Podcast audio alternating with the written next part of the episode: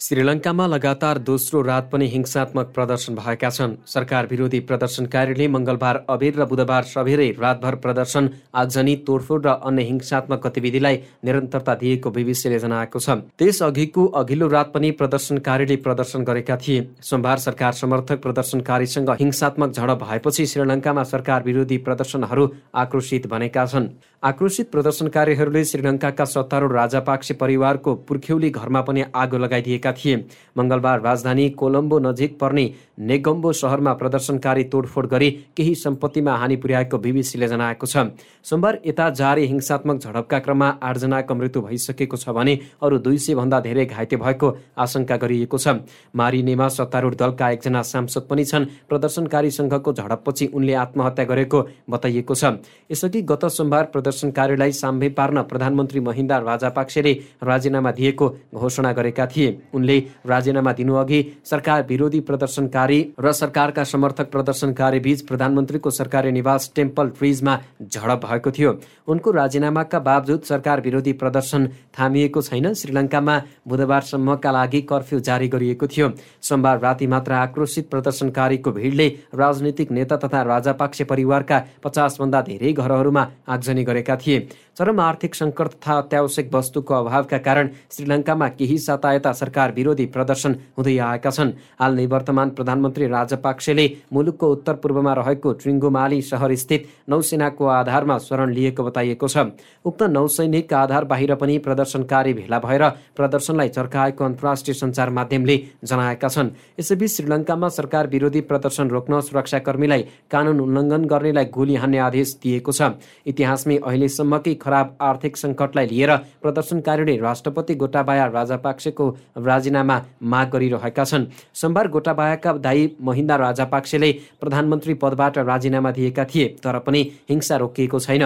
सरकारले सार्वजनिक सम्पत्ति लुट्ने वा जीवनमा हानि गर्ने जो कोहीलाई गोली चलाउन आदेश दिएको छ राजधानी कोलम्बोका सडकहरूमा गस्ती गर्न दसौँ हजार सेना नौसेना र वायुसेनाका कर्मचारीहरू तैनात छन्। सुरक्षाकर्मीको परिचालनका बावजुद मङ्गलबार दिउँसो एउटा भिडले शान्तिपूर्ण प्रदर्शनकारीहरूलाई सुरक्षा नदिएको आरोप लगाउँदै सहरका एक शीर्ष प्रहरी अधिकारीलाई आक्रमण गरेको थियो। कोलम्बोको गाली फेस ग्रिनमा पनि भिडहरू जम्मा भएका थिए। सोमबारदेखि भएको प्रदर्शनमा आठजनाको मृत्यु भएको छ। झडपमा दुई सय भन्दा बढी घाइते भएका राजधानीको मुख्य अस्पतालले जनाएको छ। केही सरकार समर्थक भिडले गरेको हमलाबाट घाइते भएका छन् भने कोही भिडमाथि प्रहरीले अश्रु ग्यास प्रहार गर्दा घाइते भएका छन्। प्रधानमन्त्रीका समर्थक विरुद्ध मुद्दा दायर गरिएको प्रदर्शनकारीहरूको पक्षमा काम गरिरहेका वकिलहरूले बताएका छन्। यता भारतीय उच्चायोगले आफ्नो फौज श्रीलङ्का पठाएको बारे सञ्चार माध्यमको रिपोर्टको खण्डन गरेको छ। श्रीलङ्काको प्रजातन्त्र स्थिरता र आर्थिक पुनस्थापनालाई देशले पुनः समर्थन गरेको भारतीय अधिकारीहरूले बताएका छन्। श्रीलङ्काले तीव्र खाद्यान्न र बिजुलीको अभावसँगै आर्थिक सङ्कटका कारण छिमेकी तथा अन्तर्राष्ट्रिय सङ्घ सङ्गठनहरूसँग सहयोग माग्न बाध्य भएको छ। पछिल्लो आर्थिक अवस्थाले प्रधानमन्त्री महिन्दा राजापाक्से र राष्ट्रपति गोताबाया राजापाक्सेको राजीनामा माग सहित ठूलो समूहले विरोध प्रदर्शन गरिरहेको छ। भारतले श्रीलङ्कामा आफ्नो फौज पठाएको बारेमा केही सञ्चार माध्यममा समाचारहरू आएको र यसलाई उच्च आयोगले स्पष्ट रूपमा अस्वीकार गर्न चाहन्छ। भारतीय मिसनद्वारा जारी ट्विटमा भनिएको छ। ट्विटमा भनिएको छ यी रिपोर्ट र विचारहरू पनि भारत सरकारको श्रीलङ्काको नीति अनुरूप छैनन्। भारतको विदेश मन्त्रालयका प्रवक्ताले मङ्गलबार भारत श्रीलङ्काको लोकतन्त्र स्थिरता र आर्थिक पुनस्थापनामा पूर्ण समर्थन गरिरहेको बताएका थिए। भारतले केही श्रीलङ्काली राजनीतिक व्यक्ति र उनीहरूका परिवार भारत भागेका छन् भन्ने सञ्चार माध्यम र सामाजिक सञ्जालमा प्रसारित अफवाहहरूको खण्डन गरेको भारतीय अधिकारीहरूले जनाएका छन्। श्रीलङ्काले देशका सशस्त्र फौजलाई एक दिन हिंसात्मक द्वन्द्वपछि सार्वजनिक सम्पत्ति लुट्ने वा अरूलाई हानि पुर्याउने जुनसुकीमाथि कारवाही गर्ने आदेश जारी गरेको छ।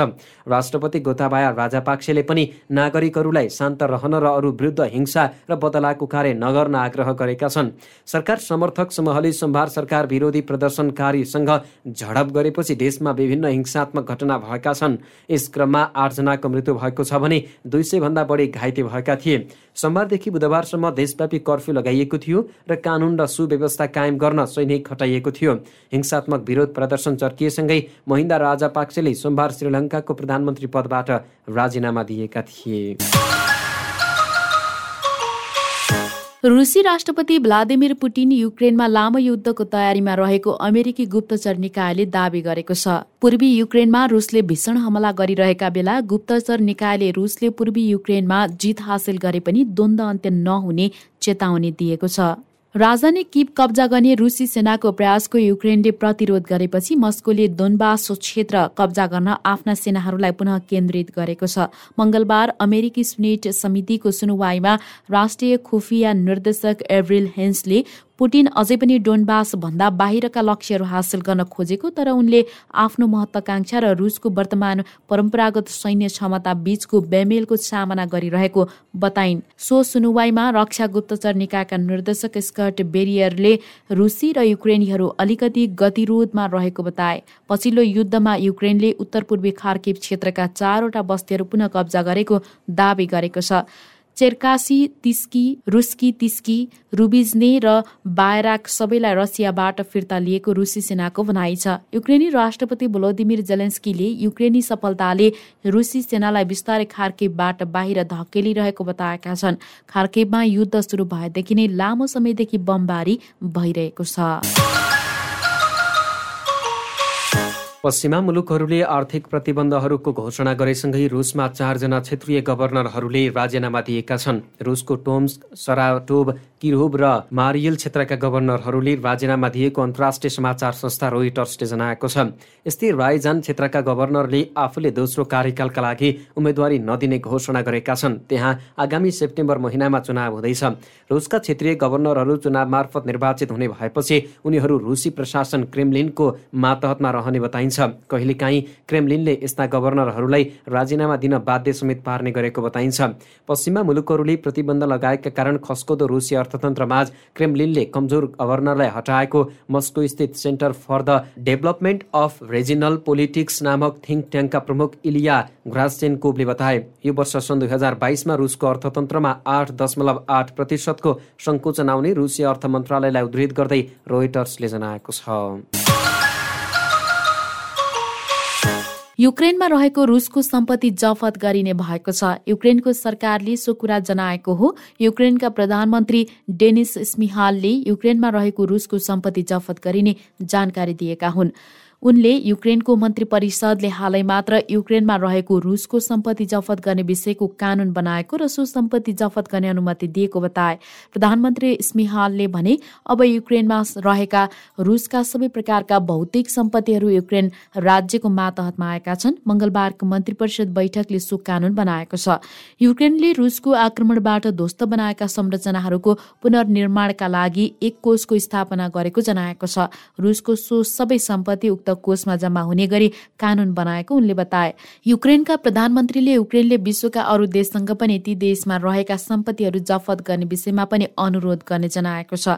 उनले ती सम्पत्तिहरू ती देशहरूले जफत गरी युक्रेनको पुनर्निर्माण सम्बन्धी कोषमा जम्मा गर्ने गरी काम गर्न अनुरोध गरिने जानकारी दिए। प्यालेस्टाइनको वेस्ट बैङ्कमा इजरायली सेनाको गोली लागेर कतारी टेलिभिजन च्यानल अल जजिराकी एक पत्रकारको मृत्यु भएको छ। इजरायली सेनाको गोली लागेर सेरिन अबु अक्लेहको मृत्यु भएको कतार स्थित समाचार च्यानल अल जजिरा र प्यालेस्टाइनी स्वास्थ्य मन्त्रालयले जनाएको छ। अक्लेहलाई जेनिन सहरमा सेनाको छापामारको रिपोर्टिङ गर्दा गोली लागेको अल जजिराले जनाएको छ। गोली हानिएका बेला उनले प्रेस लेखेको ज्याकेट लगाएको अल जजिराले जनाएको छ। सेना र प्यालेस्टाइनी बन्दुकधारी बीचको झडपको क्रममा उनी मारिएको हुन सक्ने इजरायली सेनाले जनाएको छ। आक्रमणमा अर्का पत्रकार घाइते भएका छन् उनको अवस्था स्थिर छ। अक्लेह अल जजिराको अरबी समाचार सेवामा महत्त्वपूर्ण व्यक्तित्व थिइन्। माइक्रोसफ्टका सहसंस्थापक बिल गेट्सले आफूलाई कोभिड नाइन्टिन संक्रमण भएको बताएका छन्। उनले सामाजिक सञ्जाल ट्विटरमा सन्देश जारी गर्दै आफूलाई कोरोना भाइरसको संक्रमण भएको र अहिले आफ्नै निवासमा क्वारेन्टिनमा रहेको जानकारी दिएका हुन्। उनीद्वारा ट्विटरमा जारी सन्देशमा आफूले पूर्ण मात्रा खोप लगाएको परीक्षण र चिकित्सा उपचार लिइरहेको बताइएको छ। मलाई कोभिड नाइन्टिनको संक्रमण पुष्टि भएको छ। अहिले मलाई कोभिडका हल्का लक्षणहरू देखिएको अनुभव गर्दैछु र म फेरि स्वस्थ नभएसम्म अलग्गै रहेर विशेषज्ञहरूको सल्लाह पालना गर्दैछु उनले भनेका छन्। मैले बुस्टर सहित तीनवटै खोप लगाइसकेको छु। खोप लगाउन परीक्षण तथा महान चिकित्सा उपचारको पहुँच पाएकोमा म आफूलाई भाग्यशाली ठानेको छु उनले ट्विटरमा भनेका छन्।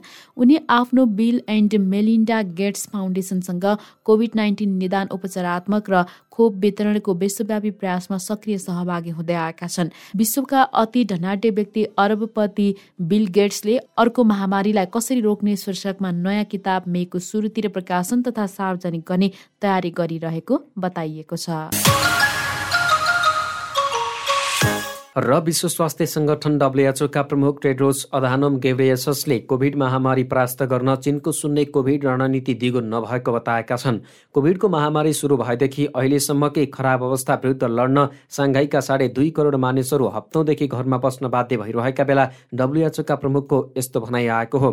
जब हामी शून्य कोभिड रणनीतिको बारेमा कुरा गर्छौँ भाइरसको व्यवहार र भविष्यमा हामीले के अनुमान गर्छौँ भन्ने विषयलाई मनन गर्दा यो दिगो छ भन्ने लाग्दैन। गेब्रेयससले पत्रकार सम्मेलनमा भने चीनमा पछिल्लो समयमा कोभिड संक्रमणका घटना तीव्र वृद्धि भएका छन्। कोभिडबाट साङ्घाई सहर नराम्रोसँग प्रभावित छ। साङ्घाईमा कोभिडबाट अहिलेसम्म पाँच सय जनाको मृत्यु भएको छ।